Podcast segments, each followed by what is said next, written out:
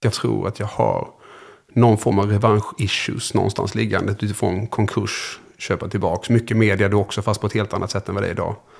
Uh, jag tror det är extremt få i Kalmar som ens kommer ihåg det. Men för mig så finns det alltid ett lager mm. av revanschkänsla. Mm. Uh, och det tror jag kanske kommer finnas resten av mitt liv. Men det där är intressant tycker jag.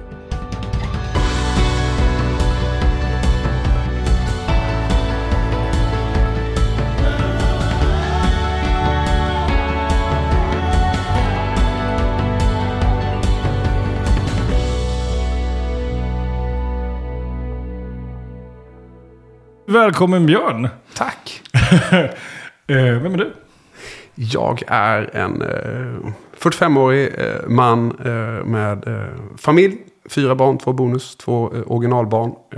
Flyttar precis från Kalmar till Simlångsdalen. Vad heter det? Simlångs, utanför Halmstad. Okay. Mm. För att familjen och vi har haft en dröm om att bygga en hästgård fullt ut. Mm. Eh, sedan länge. Så vi flyttar till en jättestor hästgård mm. och börjar renovera ganska snart. Det var verkligen precis nu vem jag är. Mm. Precis just nu i sekunden. Så är jag den personen. Mm. Vadan intresset för hästar?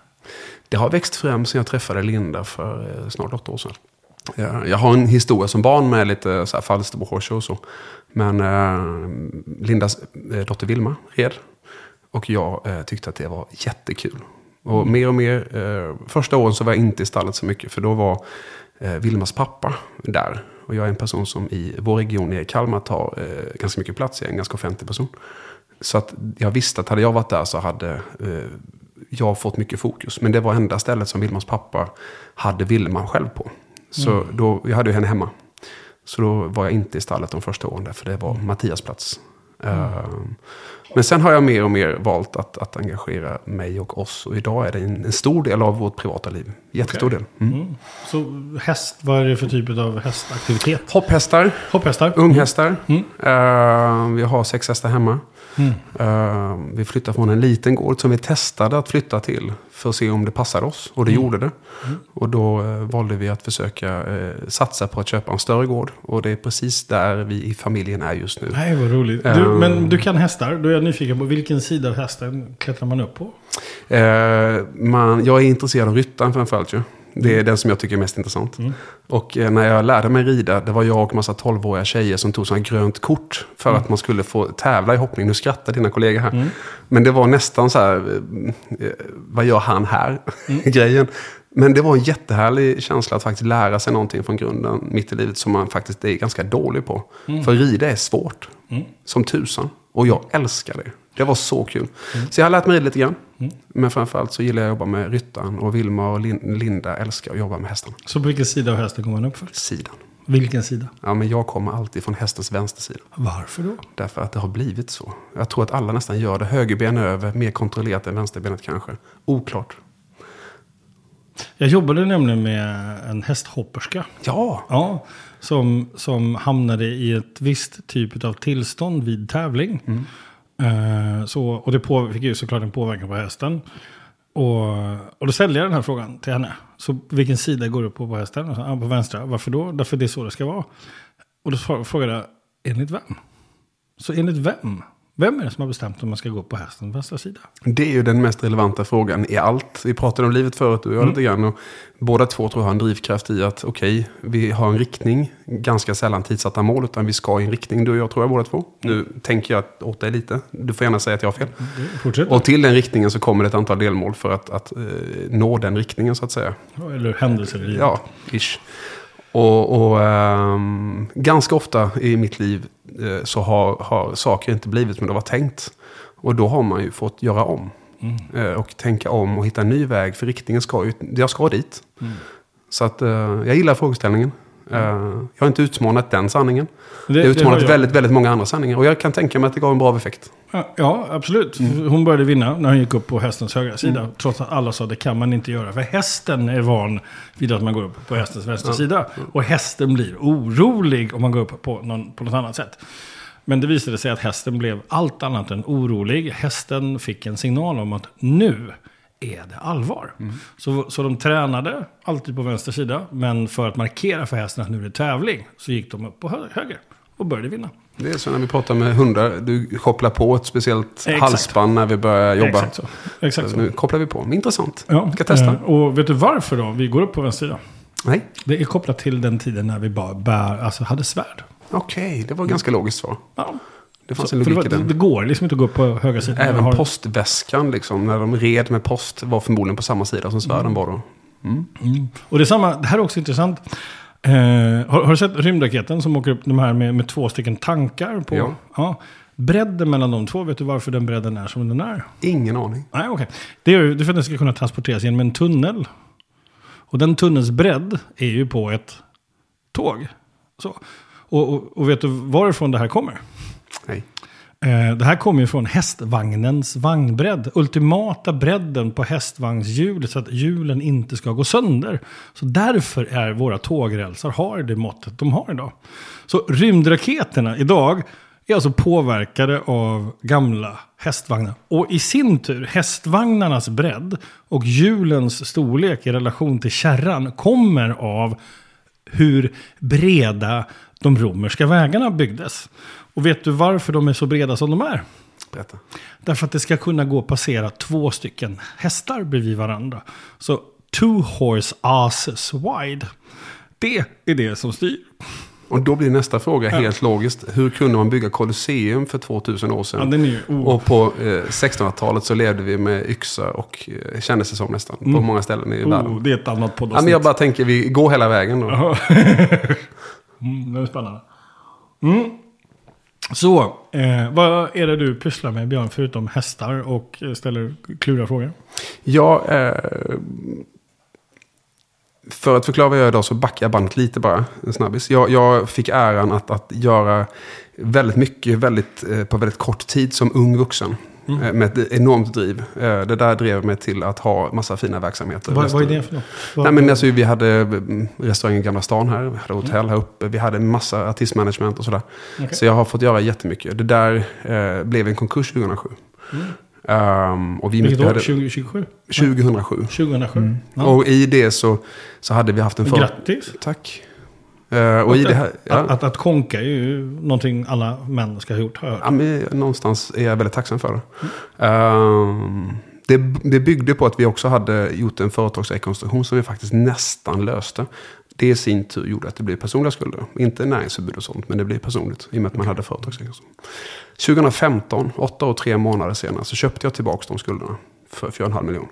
Så jag gick till Kronofogden och köpte tillbaka skulderna till mig själv. Så alla fick betalt. För jag hade någonstans levt för de pengarna. Jag hade väldigt, väldigt roligt med åren. Uh, eh, och det är väl den minst livs största bedrift. Men det gjorde ju också att mellan 2007 och 2015 kunde jag säga ja till precis allt. För jag hade ändå inte möjligheten att behålla den privata pengen. Alltså sådär. Så jag sa ja till allt för att lära mig eh, saker. Jag vill förstå människor. Jag var alltid på alla event, jag var alltid kvar sist när Bajenminen skulle tömmas. För de har ju också en livshistoria.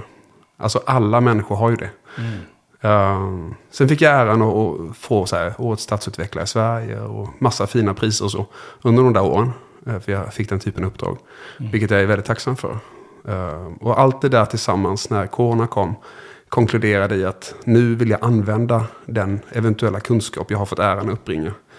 Och faktiskt börja investera i människor som har idéer som inte finns. På marknader som inte finns, med produkter som inte finns.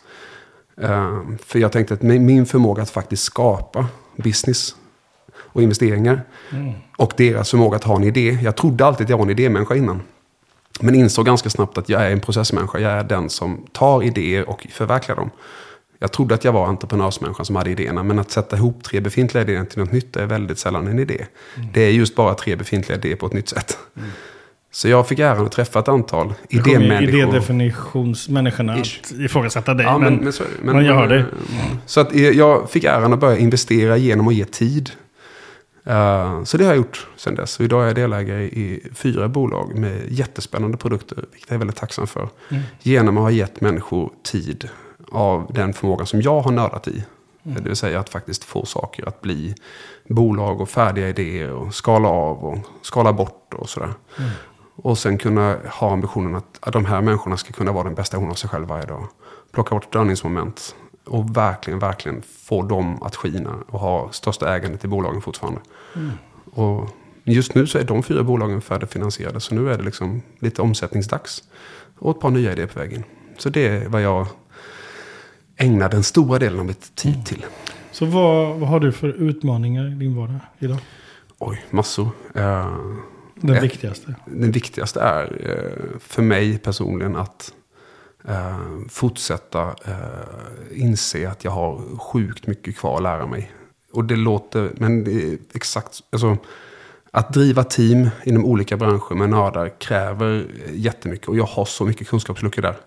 Så jag är ändå relativt nybörjare på att reflektera aktivt varje dag. Jag är ändå relativt nybörjare om vi pratar femårsperspektiv. Att, att, att modellsätta min vardag.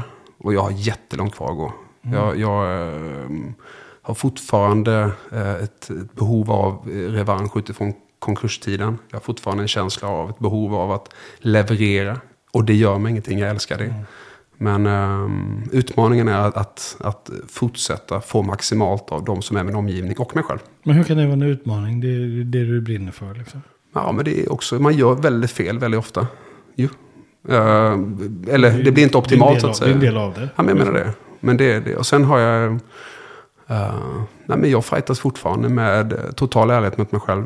I, i, eh, Vad menar du med det? Det var jättespännande. Jag fightas med total ärlighet med mig själv. Jag tror att... Ehm, uh, 2009 träffade jag en person som har betytt väldigt mycket för mig. Det är min bästa kompis som heter Oskar. Tills dess så drevs jag av ett driv som var ganska odefinierat. Eh, jag hade en drivkraft i mig själv som var oerhört stark. Men egentligen eh, utan syfte eller riktning på något sätt. Eh, så även i mina privata relationer. Så, så jag tror att när vi andra gången träffades så satte han mig på en parkbänk vid kyrkogården i Borgholm på Öland. Och så sa han, jag kan tyvärr inte umgås med dig längre. Och jag fattade ingenting. Vadå? Nej men du är inte ärlig liksom. Du berättar ingenting om dig själv. Du har liksom, kvastskaft i, rygg, i ryggslutet. Jag kan inte snacka med dig för du vill inte prata liksom. Du är rädd för någonting som inte jag förstår. Eh, och jag blev skitsur först. Eh, och i den resan med honom och med de jag jobbar med idag, de olika bolagen, så eh, krigar jag fortfarande med att inte skarva sanningen mot mig själv i den utvecklingsresa jag själv gör. Tror jag. Eh, Och hur, hur kan en skarv låta? Jag har precis gått ner 22 kilo, jag har varit ganska sjuk i några år. Ehm, och då kan man skylla på kortison.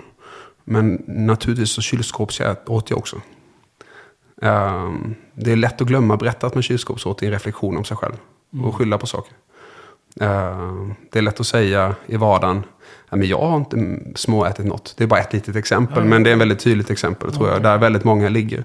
Ehm, nej, nej, jag har inte mm, eh, Jag försökt förstår- försköna något. Jag förstår inte vad det är varför jag går upp. Jag har ju inte gjort något speciellt Nej, men lite för det. så. Alltså, Mm. Det är nog kortisonets fel. Det är inte sanningen. Det var kortisonet i kombination med att jag genom kortisonet tappade den sista disciplinen som gjorde att jag också började kylskåpsäta. Som gjorde att jag gick upp så mycket. Exakt. Eh, och samma sak tror jag det är med väldigt, väldigt många delar i relationer, i vänskapsrelationer.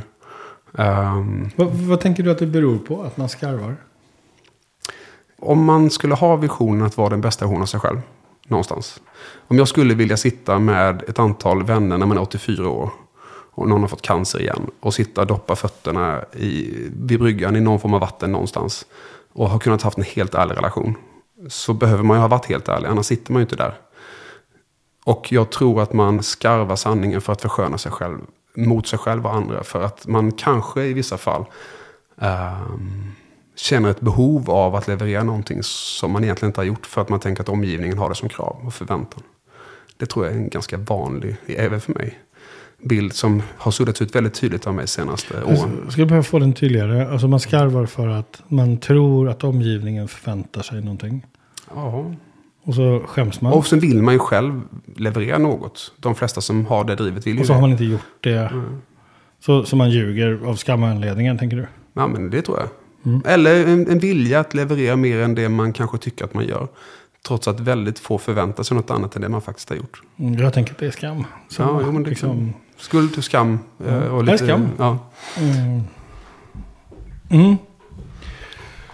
Spännande. Och om, om vi nu leker med tanken att du satt här med, med, med en coach Mm. en stund och fick eh, möjligheten och chansen att faktiskt jobba med någonting som du skulle vilja ta med dig. Eh, som innebar verklig förändring för dig. Mm. Vad tänker du att vi skulle jobba med då? Eh, då skulle jag eh, ha två infallsvinklar. Varav jag på något sätt, för er som lyssnar, tror att jag har svaren. Men jag är väldigt öppen för att ha fel. In i samtalet, bara så vi är väldigt tydliga där. Eh, det ena är att jag nu får gå från en, en väldigt offentlig person i Kalmar. eh, med massa tidningar hela tiden och, väldigt mycket uppmärksamhet. Till att flytta till andra sidan Sverige. Där eh, ingen kommer veta vem jag är, mer än väldigt små nischer av samhället. Där Per Gessle har tagit över all kännedom. Liksom. Det är så jävla intressant. Ja, det. Och det är också väldigt intressant i att eh, det innebär att jag har ju som sagt varit vd för Kalmar stad. Jag är speaker på ett event som heter Ironman som är något av det största vi har och så vidare. och så vidare. Ehm, I det så ingår ju att jag har coachat fem ungföretagsamhet varje år. Jag har varit ordförande i Stadsmissionen, kvinnojoursambassadör, Rotary, du vet alla de här grejerna som är förväntan. Så jag har ändå lagt 8-10 timmar veckan på gratisarbete under hela mitt vuxna liv nästan. Och den förväntan är borta nu. Och det i grunden innebär att jag ser väldigt fram emot att komma till en plats där det inte finns någon underbyggd förväntan. Där jag kan skapa den förväntan själv. Eh, för det blir exakt så. Men det innebär också att det kommer ju att sluta ringa. Att fråga om den förväntan. Eh, det är någonting som jag tror att jag har kontroll på, men som skulle vara intressant att, att grotta lite i. Mm, skulle vilja ha tillbaka den typen av uh, allmän kännedom. Fast i Halmstad. Men jag, jag tror inte det som det är idag. Eh, jag jag har, kommer välja bort, jag har redan valt bort flera förfrågningar från organisationer i Halmstad om föreläsningar och sånt. Just för att inte skapa en ny förväntan utan reflektion. Eh, samtidigt så är man ju en offentlig person på en väldigt liten plats som jag har varit. Och det är en väldigt liten plats. Eh, och det är ehm, också väldigt bekräftande att vara det och någonting som jag har njutit av att vara. För jag kunde åka in och vara helt offentlig och åkte hem och vara helt anonym. För så liten plats är det ju. Kalmar är en väldigt liten stad. Så att det där är intressant tycker jag. Eh, och det andra är att jag fortfarande tror att jag har någon form av revansch-issues någonstans liggande utifrån konkurs, köpa tillbaks. Mycket media då också, fast på ett helt annat sätt än vad det är idag. Eh, jag tror det är extremt få i Kalmar som ens kommer ihåg det. Men för mig så finns det alltid ett lager av revanschkänsla. Eh, och det tror jag kanske kommer finnas resten av mitt liv. Men det där är intressant tycker jag. Mm. Ja, så vilken tänker vi ska jobba med? Vad tycker du? Du får välja. Jag går igång på revanschkänslan. kör vi på det. Ja. Ehm, så var kommer du ifrån? Jag kommer, äh, var det kommer ifrån? Nej, var kommer du ifrån? Jag är uppväxt i Alvesta. Alvesta? Japp. Flyttade till Kalmar och började fotbollsgymnasiet. Jag flyttade hem från 16-åring. Det är så 16 år, så Alvesta Japp. och sen 16 år till Halmstad. Kalmar. Kalmar. Äh, till Kalmar, förlåt. Ehm, så du är nyfiken på 0 till 16? Ja. Hur har du det då? Eh, Vad- Jag, eh, en familj med uh, idrottsfamilj. 100 procent. en familj, Vilken idrott? alla idrott. Alla Fo- idrott? Fotboll och hockey och, så, och schack tävlade i och så, massa sånt. Men, Okej. men vi var allmänt Fotboll, extremt... hockey, schack? Ja men ish. Ja. Så, lite friidrott, eh, tennis, ping, alltså allt. Eh, hade en eh, enormt stöttande eh, familj. På alla sätt skulle jag säga. Och, så, och familj består av Eh, mamma, pappa, syster. syster? Ja. Stora, lilla? En liten syster. lilla Fyraåring. Så du är storebror? Eh, några år senare har vi två fosterbröder också. Vi är barnhemskillar som kom till morsan och farsan eh, några efter jag hade flyttat. Som är syskon också, de är också adopterade. Så vi har, jag har tre syskon. Bara två småbröder och min lilla syster. Ja, cool. Eh, så. Men eh, i den tiden så var det bara jag och syrran. Cool. Och sen så du, du hamnade i Kalmar, fotbollsgymnasiet. Mm. Ja. Ehm, berätta mer. Jag tror att eh, jag, jag levde verkligen den drömmen jag ville leva då. Men jag levde också, jag har analyserat efteråt, eh, mycket. I en, I en värld egentligen, om jag ska av någon anledning dra det hela vägen fram till konkursen. Där jag sökte ett resultat utan att tänka att om man tränar. Alltså jag gick till träningen för att konkurrera ut någon. Jag gick inte till träningen för att bli bättre. Ish. Det, har jag, det är min efteranalys. Så jag, jag nådde ganska fina framgångar som fotbollsspelare ändå. Eh, jag, jag hade inte den där jättetalangen egentligen. Jag var en extrem träningsprodukt. Tränade väldigt mycket. Eh, jag tyckte det var oerhört roligt. Men med ett inneboende driv att, att liksom, eh, bli världens bästa fotbollsmålvakt. Punkt. Mm, det var målis. Mm. Mm.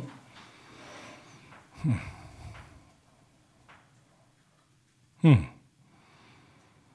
Spännande. Ehm, så, så vad händer när du är 16 och kommer till Kalmar?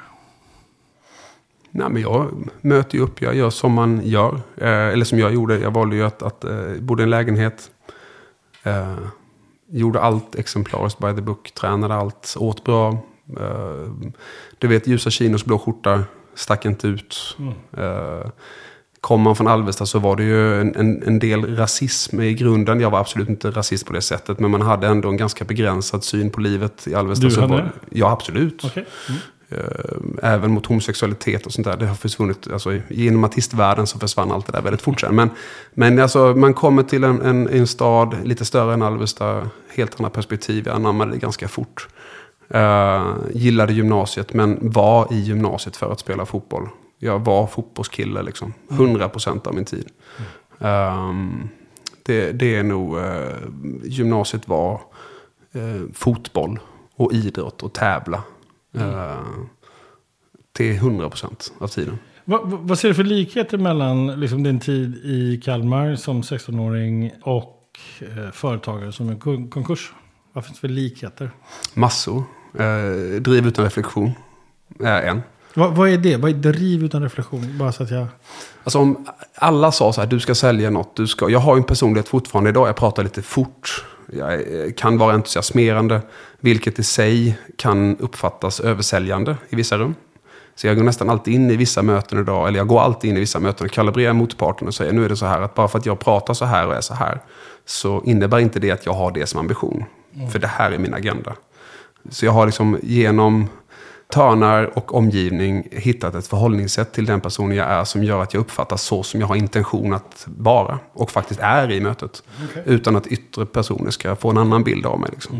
Eh, under den där tiden så hade jag nog samma eh, ambition om att bli riktigt bra. Jag hade ambitionen som företag att faktiskt lyckas på riktigt. Men när man får tillräckligt mycket möjligheter tillräckligt snabbt med tillräckligt mycket support från folk så blir ju allt möjligt möjligt. Och när allt möjligt är möjligt och du har ett enormt driv i att genomföra allt möjligt möjligt så blir det väldigt mycket som görs samtidigt. Så jag tror att, eh, och det håller väldigt sällan. Så reflektionen i mitt fall handlar om att här, varje dag, okej, vad kan jag förvänta mig i alla möten? Jag gör min reflektion in i alla möten, i alla Eh, ja, vi har ett möte här, jag har haft möten innan idag. Eh, vad kan jag förvänta mig? Vad kalibrerar jag för tankar och vad har jag för förväntade outcome av den mötet jag har? Eh, och det har jag gjort i ganska många år nu. Det gjorde jag inte då, utan då var bara nästa signering, nästa lyckade match, nästa räddning målet.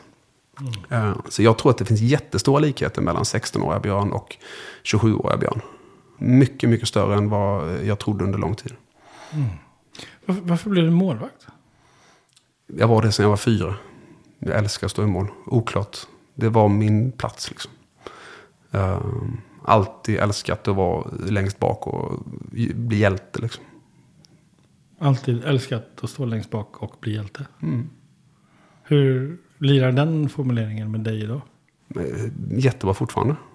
Eh, idag syns jag mindre och mindre. Jag säger nej till otroligt mycket uppdrag som skapar publicitet. Både med tv och allt annat. Av den enkla anledningen att jag trivs bakom. Jag, jag hjälper ett antal företagsledare och idrotts eh, bakom. Jag är gärna hjälte mellan oss två. Idag. Men jag syns inte. Och det är jätteskönt. Medan inne så vill innan så vill jag stå bakom och vara hjälte och synas för. Eh, det är nog också en del av reflektionen. Så jag trivs oerhört bra bakom. Eh, och hjälte för mig innebär inte applåder. Hjälte för mig på riktigt innebär idag en genuin feedback som betyder någonting. Inte ja, bra gjort, utan varför var det bra? Hur gick det till? Där två, tre, fyra människor faktiskt sitter ner och diskuterar. Hur skulle vi kunna göra annorlunda?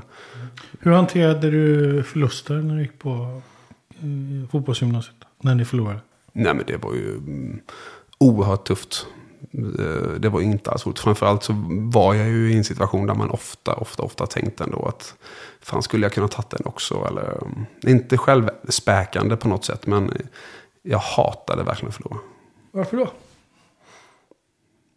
Det bedömer jag som en av mina inre drivkrafter. Eh, som man mer eller mindre kan kontrollera resten av sitt liv. Idag kan jag ju faktiskt förlora mot barnen medvetet, på riktigt. Utan att på något sätt må dåligt. När barnen var små så kunde jag ju fuska för att vinna mot dem också. Liksom. Mm. Okej. Så hur hanterar du vinst? När du gick på fotbollsgymnasiet? Nej, men det, jag tror att jag var ganska ödmjuk i, i vinsten ändå. I alla Så- fall enligt mig själv. Ja, så... Alltså faktiskt, jag skulle aldrig ställa mig och liksom håna någon eller Nej. slå mig själv för bröstet. Eh, Däremot blev jag väldigt glad om jag fick en extern upp, alltså bekräftande i en tidningsartikel eller så. Mm. Det var viktigt, Mm. absolut. Ehm, och det, det, men jag skulle ju aldrig i vinst stå och vara dum mot den jag vunnit mot. Eller mot mina lagkompisar. Eller, tror jag i alla fall. Det är nog min bild, ja. Mm. Cool. Så, så om, vi, om vi då går till den här revansch, eh, revanschlust, kan man säga så? Mm. Verkligen. Mm. Vad, vad börjar den och slutar den? Idag, eller ända sedan jag köpte tillbaks mina skulder, kan man säga, 2015 oktober. Då krävde jag inte, eller jag gick inte till tidningen och sa skriv om det här nu då. Ni har skrivit om det andra. Eh, Så det, har aldrig, det skrevs liksom aldrig om och jag tyckte att revanschen var inne i mig. Eh, Det det har gjort är att när jag blir ifrågasatt utifrån ett värdegrundsperspektiv i en, eh, i en dialog med en kund eller en investerare eller i ett ägarteam. Eller där man kan liksom säga, ja, men är Björns väg verkligen den rätta? De här har ändå gjort så här och jag ser att min sanning är väldigt tydlig. Att jo, det är dit det ska. Uh, och där någon säger, ja men titta, vad har han för record? Jag har ändå tjänat, men jag vet att det här är rätt. Där kan jag på riktigt bli ledsen i själen. Fortfarande idag. I att, eh, och där, det tror jag, det har jag landat i. Att jag tror att det handlar om någon form av kvarliggande från misstro inte min värdegrund. För det var inte den som gjorde att jag kom till konkursen. Liksom. Misstro inte min ambition, för jag lurade aldrig någon. Det blev fel. Men jag gick aldrig in i en relation och medvetet lurade någon. Inte en enda gång hände det. Och det, eh, så någonstans eh, konkursen, efterföljande media och alla människor runt omkring. I kombination med att jag gjorde rätt för mig. Eh, men i det så ligger det fortfarande så här, tvivla inte på mitt ord. Oklart, det är precis där tror jag det ligger. Mest.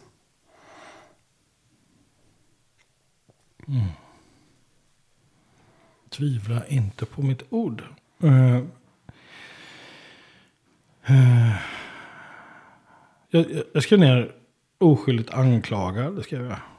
Eh, det poppade upp hos mig. Vad, vad tänker du om jag säger det? Ja men det är, mm, alltså.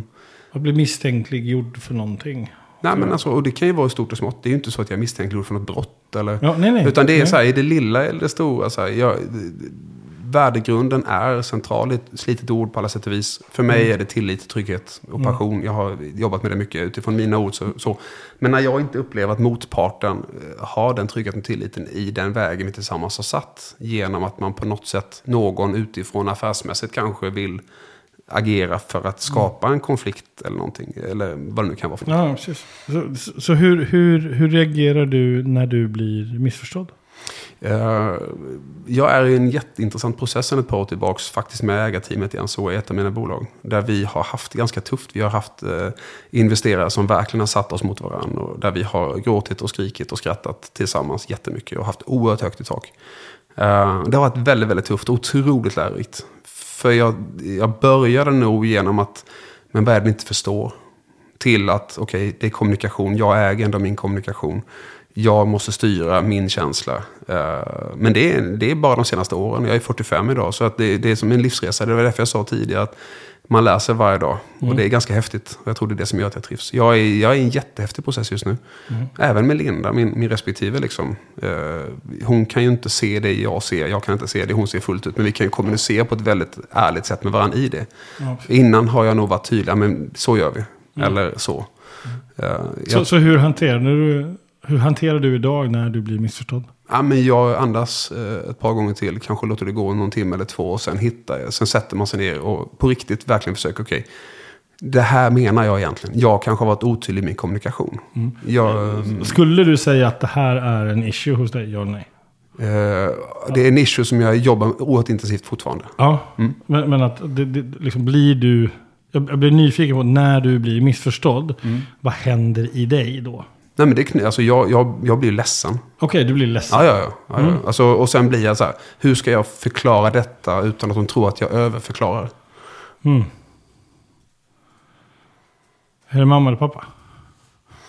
Nej, ingen av dem faktiskt. Ingen av dem. Jag vill påstå det. Mm. Uh, det de är, nej, inte det heller. Jag vet inte vad det landar i. Lärare?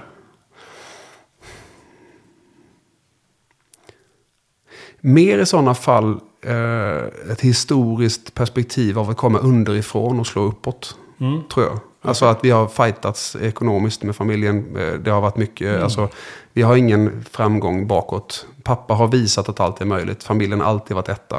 Mm. Eh, Men det har, varit, det har inte varit självklart liksom. Nej. Jo, hans fight för familjen har varit självklar. Men eh, ekonomi och allting annat har inte varit självklart. Samtidigt som morsan har varit den som har sett till så att vi aldrig har varit själva på julafton. Jag har varit kontaktperson i 14 år. Eh, du vet, aldrig eh, ensam. För det var alltid någon annan som var själv på julen. Som vi skulle bjuda in, för de skulle inte vara själv på julen. sådär. Så det är verkligen inte därför. Utan det är nog mer i sådana fall ett, ett perspektiv av eh, släkt bakåt som alltid har varit tjänstepersoner. Eller eh, liksom underifrån perspektivet i Malmös liksom, eh, mindre belevrade kvarter. Som jag tror genetiskt ligger att man, liksom, man vill ändå förtjäna sin plats. På något plan. Det är nog mer där eh, än eh, mamma och pappa i någon form av kontext eller syrran eller så. Ja, det jag, Nej men jag bara, jag är intressant alltså. och, och Jag, jag säger mamma och pappa mer, mer som metaforer. ja, men jag förstår det. Jag förstår. Ja. Men jag tror att det är något sånt. Mm. Ja, För jag, någonstans så inbillar jag mig att re, um, revanschlust är ju, kan ju vara, jag vill minsann ge igen. Till de som inte trodde på mig eller till de som eh, gjorde mig illa. Eller, det kan också vara, som jag tyckte att det lät som att du var inne på, att, att de förstod inte din intention. Det vill säga du blev missförstådd. Ehm, det, var, det var så mina tankebanor gick.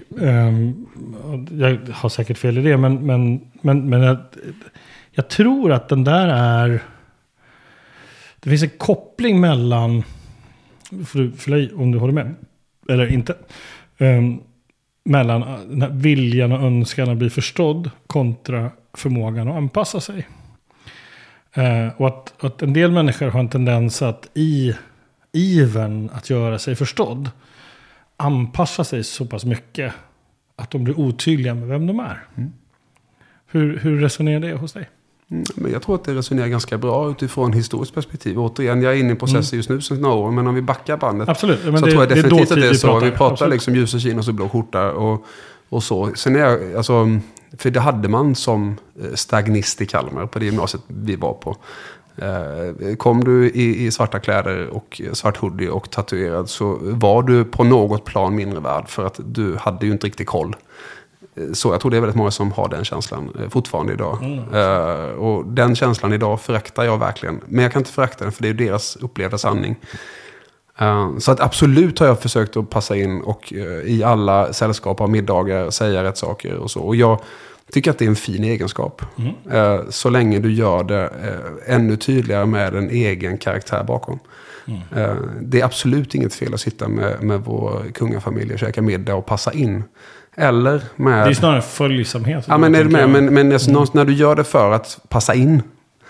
Då är det kanske inte av godo. Men att göra det för att, att ha respekt för den världen du Ja, är exakt. hos.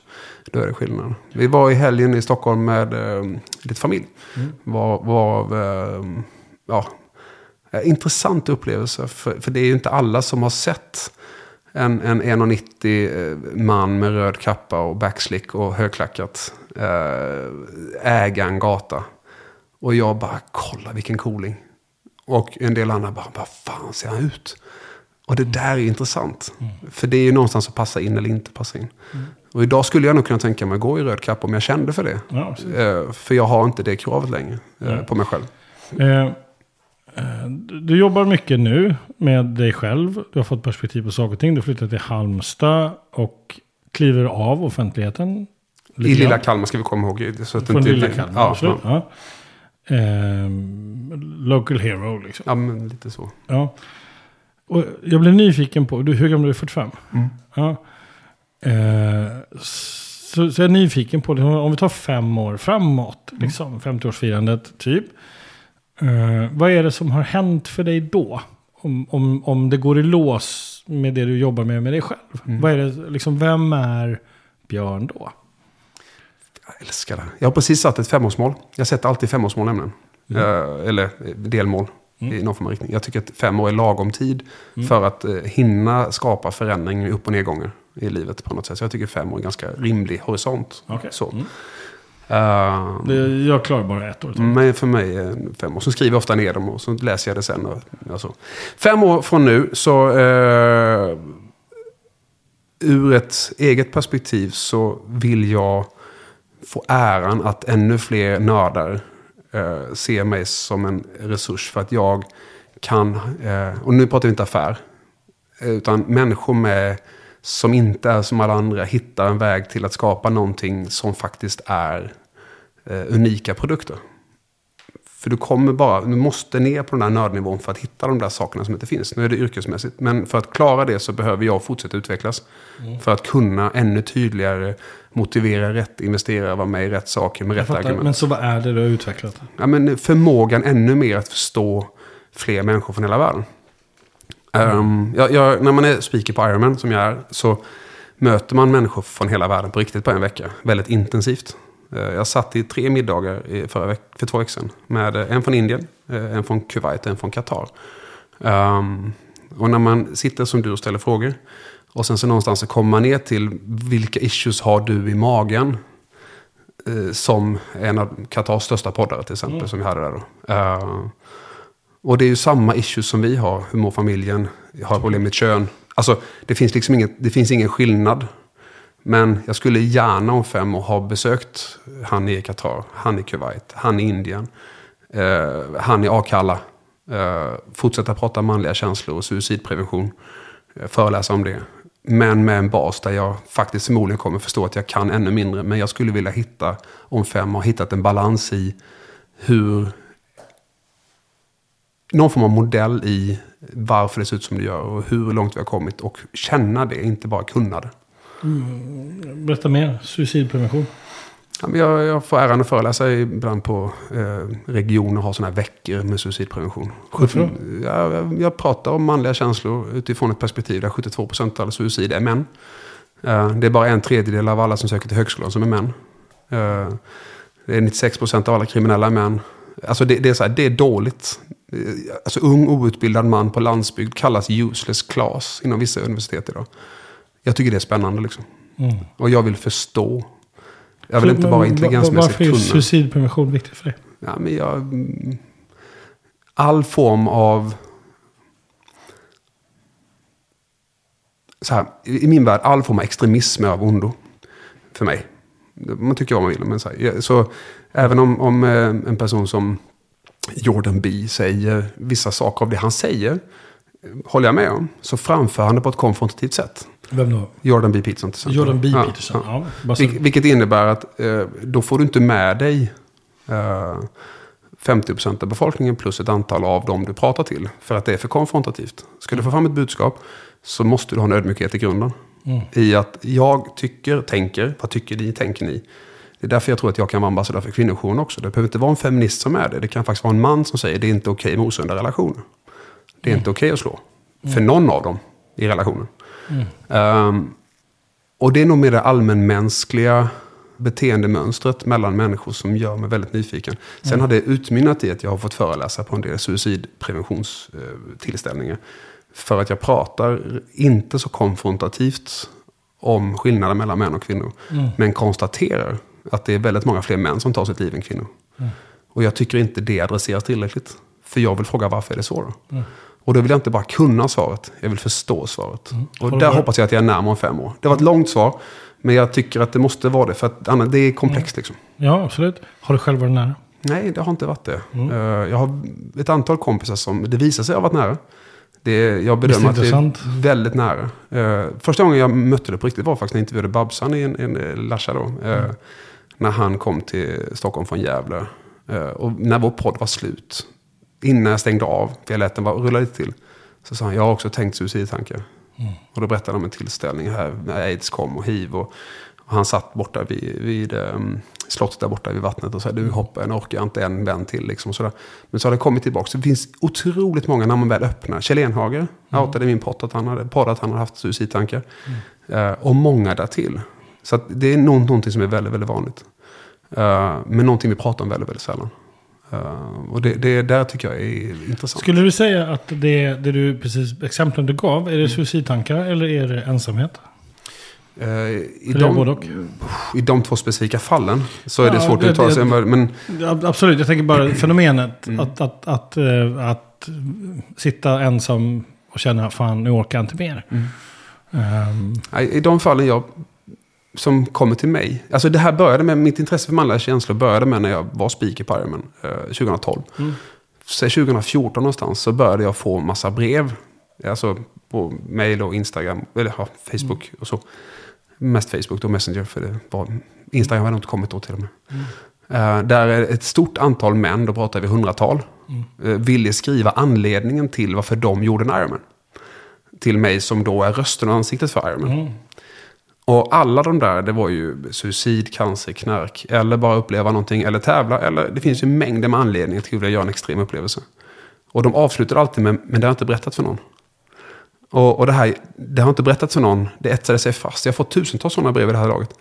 Av män framförallt som skriver, men det har inte berättat för någon.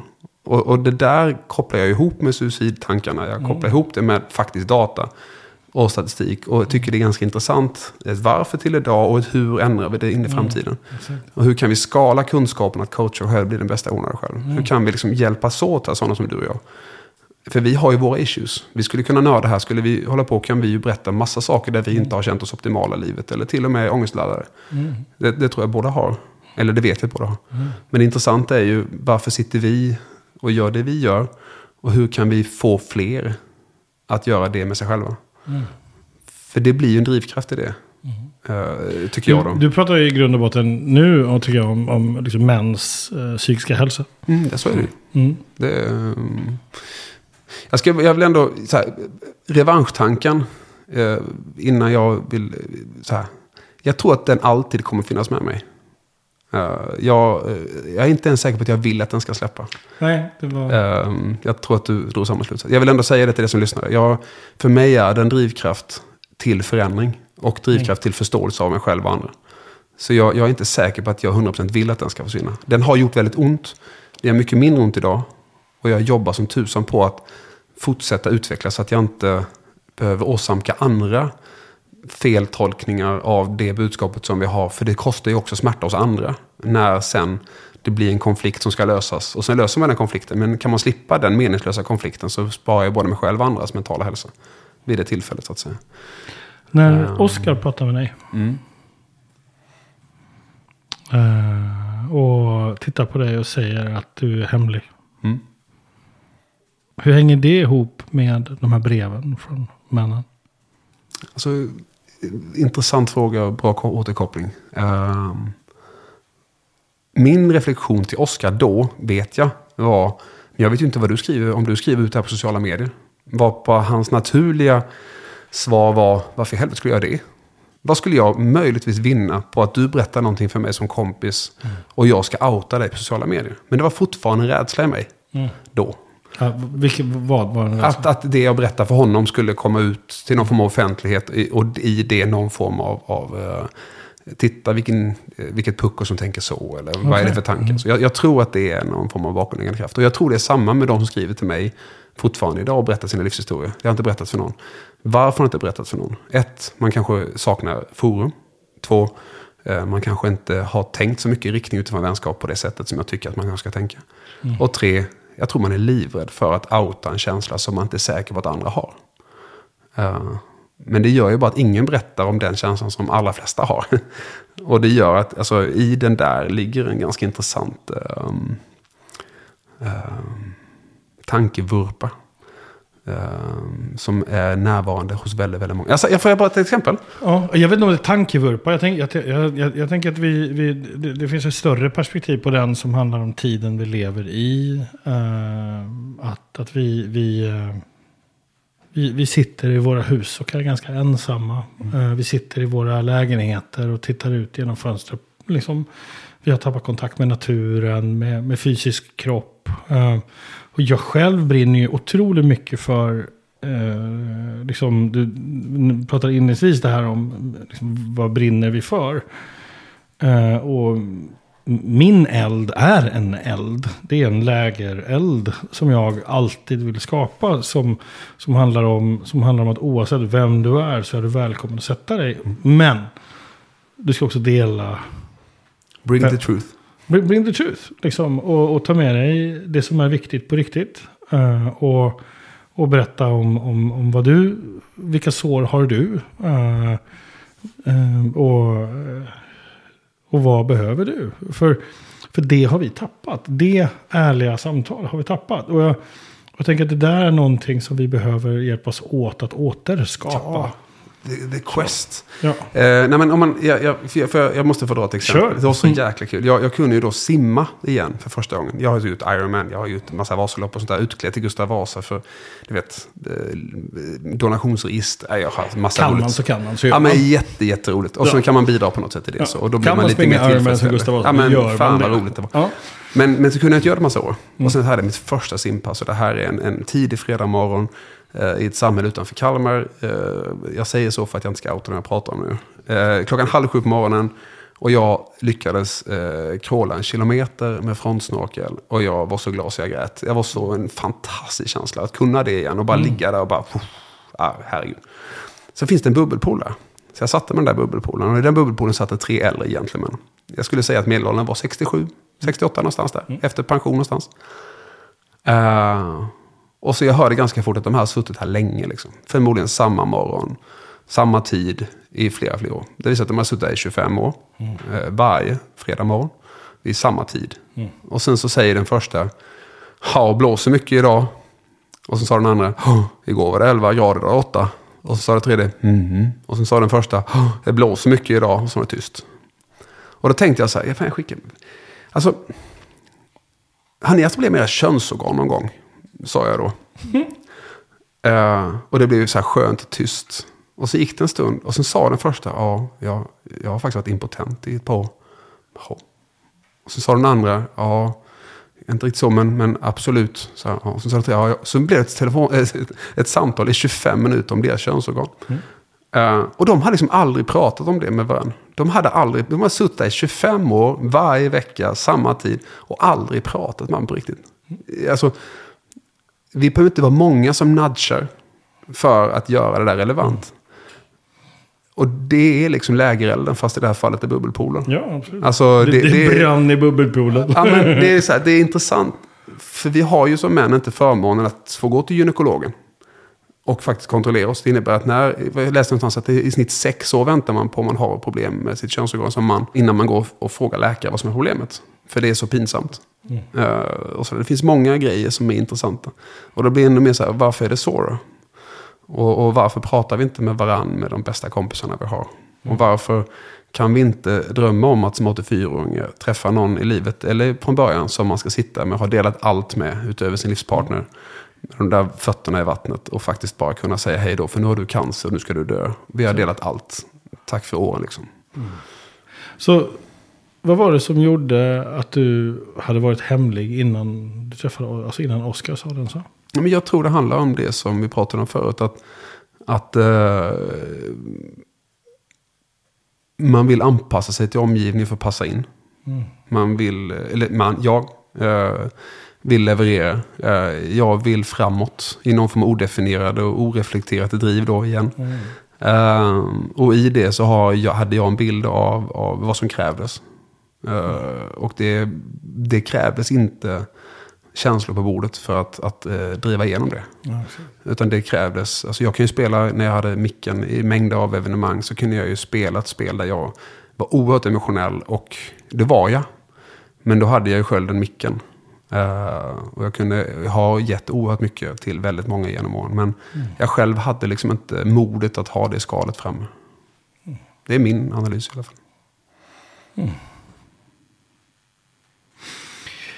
Så du vill inte bli av med din revanschlusta. Så, så om, om du skulle hitta ett annat ord på revanschlusta, vilket annat ord skulle det bli då? Och då tänker jag, och av någon anledning så har siffran 84 fastnat för mig. Varför då? Jag vet inte. Borde jag säkert, jag, nå, någonstans, ja men åldern 84. Åldern 84. Ja, ja. Så varför är den viktig för dig? Nej men det är, bara det är verkligen bara ett exempel. Det finns ingen bas i den. Inga dödsfall med mormor morfar. Nej, inget okej. sånt. Utan det är verkligen bara en siffra. Att, Ja. ja. men jag, jag, jag tror att... Eh, jag var på en demografiforskningskonferens för några år Jag sedan. trodde du sa demokratiforskning. Ja. Ja, nej, men demografi. Ja. Och då sa de så här, det första barnet som ska bli 200 år redan fött. Medelåldern på de barnen som föds nu är 116. Uh, och det motiverade man med att man i Kina haft en enbarnsregel under väldigt, väldigt många år nu. Det innebär att de har väldigt få människor, bara killar nästan, som ska försörja oerhört många människor som blir äldre och äldre. Och någonstans ska ju folk jobba i fabriker och sådär. Så de forskar sjukt hårt på att byta ut kroppsdelar för att hålla folk vid liv så att de kan jobba längre i fabrikerna som försörjer landet som vi kan köpa våra grejer i västvärlden så att säga. Och i det så har vi nu den slavrörelsen, triangelhandel, du vet, Afrika, USA, Europa för massa, massa hundra år sedan. Och nu är det liksom Ryssland, Kina och Afrika istället. Så. I det där så tänkte jag någonstans att medelåldern på min generation kanske blir 84. Därav 84. Så det fanns inget vetenskapligt bakom det alls. Mer än att 84 har jag tänkt att till dess är jag viril, stark, kan bestiga Kilimanjaro. Och sen får man på vägen tappa vänner som dör, vänners barn som förolyckas. Och, och du är då, du är då 84 mm. och står där på toppen av Kilimanjaro. Mm. Och vad har du då för relation till revanschlust? Vad kommer du säga då? Vad är revanschlust istället? Jag tror att jag kan tänka även då. Titta, jag gjorde det. Ha. Mm. Och vem säger du det till? Förmodligen till mig själv. För hoppas jag. Mm. För jag, har inte, jag hade inte behovet av att media skrev efter jag köpte tillbaka mina skulder. Jag hade inte det behovet, utan det är nog mer inåt. Och mitt förhållningssätt till det. Inåt. Så du har vunnit över dig själv? Ja. Alltså jag har visat än en gång att det gick det här också. Jag startade en quest för några år sedan, vi skulle gå 100 000 steg på ett dygn. Så gjorde vi det och det var det första i Sverige att göra det. Samlade in pengar till Stadsmissionen och sen gick vi 150 000 steg på ett dygn och sen klarade vi det. Eh, det är ändå 12,5 mil på 22 timmar typ. Ja, och sen samlade vi upp ännu mer pengar till Stadsmissionen. Alltså väldigt mycket saker går ju. Mm. Men du behöver inte göra det för att någon annan ska göra det. Utan du gör det ju generellt för att jag vill visa mig att jag kunde. Mm. Sen om det handlar om reflektion, ärlighet med sig själv, att jag också mm. kylskåpsäter. Eller om det handlar om att bestiga Kilimanjaro. Mm. Jag tror inte det är, för mig är inte det så viktigt. Mm. Men ärligheten med sig själv, om varför. Så att vara ärlig med sig själv? Ja. Mm. För att kunna vara den bästa versionen av mig själv. Mm. Snyggt. Det, det, jag, här finns inget rätt och fel. Jo. Nej. Men det är min bild. Mm. Och den måste jag få äga. Cool. Du, eh, härligt. Jag ser dig, 84. Ska du vara med? Gärna. Eller hur? ja, då är jag lite äldre bara än dig. Men, mm. Ja, men du kommer att leva så länge. Ja, jag har, jag har faktiskt bjudit folk på min 105-årsdag. I love it. Så. Nej, men alltså, det, tänk att kunna ha en helt ärlig relation. Jag, jag, jag fick äran att prata för, för en, en, en, kollega till dig, en, en podd som heter Förebildspodden, mm. mot unga, unga eh, människor. Mm. Och jag sa, tänk istället för, om ni nu är en, eh, oavsett var i samhället du befinner dig, oavsett vad du gör, Tänk att du ska skapa relationer som långsiktigt ska bli din livskompis. Så att ni när 84 år faktiskt kan sitta och plaska med fötterna i vattnet. Mm. Om det är riktningen du går i, då finns det ju ingen anledning att inte vara ärlig med mm. den du pratar med. Mm. För då kommer ni inte vara där när 84. Nej. Det är omöjligt att ni är där då. Då kommer det att komma och gå. Men mm. om man är helt ärlig så kan man få uppleva det. Och jag vill få uppleva det. Uh, jag vill jättegärna sitta i en bubbelpool och prata könsorgan. vad härligt, då gör vi det. herregud. Eller Livet är på riktigt. Ja, men alltså det är fint på något sätt. ja. Du Björn, vad tar du med dig efter den här stunden? Uh, nu ska jag köra ner till Kalmar igen. Mm. Med bilen. Uh, och då blir det ju fem timmar av samtal med människor. Uh, kika av, hålla relationen vid liv. Mm. jag och sen så eh, helgen blir att eh, förbereda garage och stall för flytt. Eh, förbereda så att mina hantverkare när vi ska renovera Halmstad mm. är tajta när vi går på där om en halv vecka. Mm. Uh, och sen blir det ett antal uh, intressanta möten. Uh, torsdag, fredag som förhoppningsvis gör skillnad för både mig och andra. Mm. Så vad tar du med dig efter samtalet? Oj, massor. Ett, att jag är eh, enormt ärad att få vara här. Eh, det är min absoluta känsla. Eh, jag tyckte det var läskigt. Jag har aldrig liksom blivit... Jag aldrig suttit på den här sidan förut. Okay. Eh, andra gången nu. Eh, men eh, det, att inte vara i din position är läskigt tycker jag. på ett sätt. och sen tycker jag att det är coolt att reflektera över, över min revanschkänsla och min resa från 16-åriga Björn till idag. Uh, jag vet inte om det är så intressant att lyssna på, men jag, för mig har det, har det varit roligt att, att, att vara där och grotta igen. Mm. Det var länge sedan nu. Mm. Uh, men det är viktigt för att uh, jag ska kunna fortsätta min resa mot 84 år mig själv. Mm. Så jag är jättetacksam. Mm. Tack.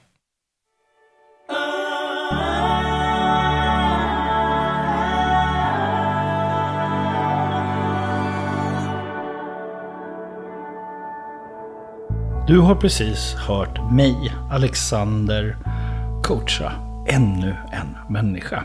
Och jag blir nyfiken vad som hände hos dig när du lyssnade på det här avsnittet. Passa på att ta det här tillfället i akt att stilla dig en stund. Skriv ner, reflektera. Vad var det som gick igång hos dig? Vad var det du lärde dig? Vad var det som blev viktigt för dig? Hur kan du använda det i din vardag? Sen hoppas jag att du kan hjälpa mig att sprida den här podden till fler som du tänker behöver den. Sprid det här avsnittet i dina kanaler. Skriv en recension eller en kommentar vad podden har gett dig. Tack för att du delar. Tack för att du lyssnar. Vill du också lära dig och bli bättre på att leda den här typen av samtal som jag håller och att coacha på riktigt? Ja, men, gå in på alexanderholmberg.se och pröva någon av våra digitala kurser eller fysiska utbildningar. Eller hör bara av dig om du har en fråga.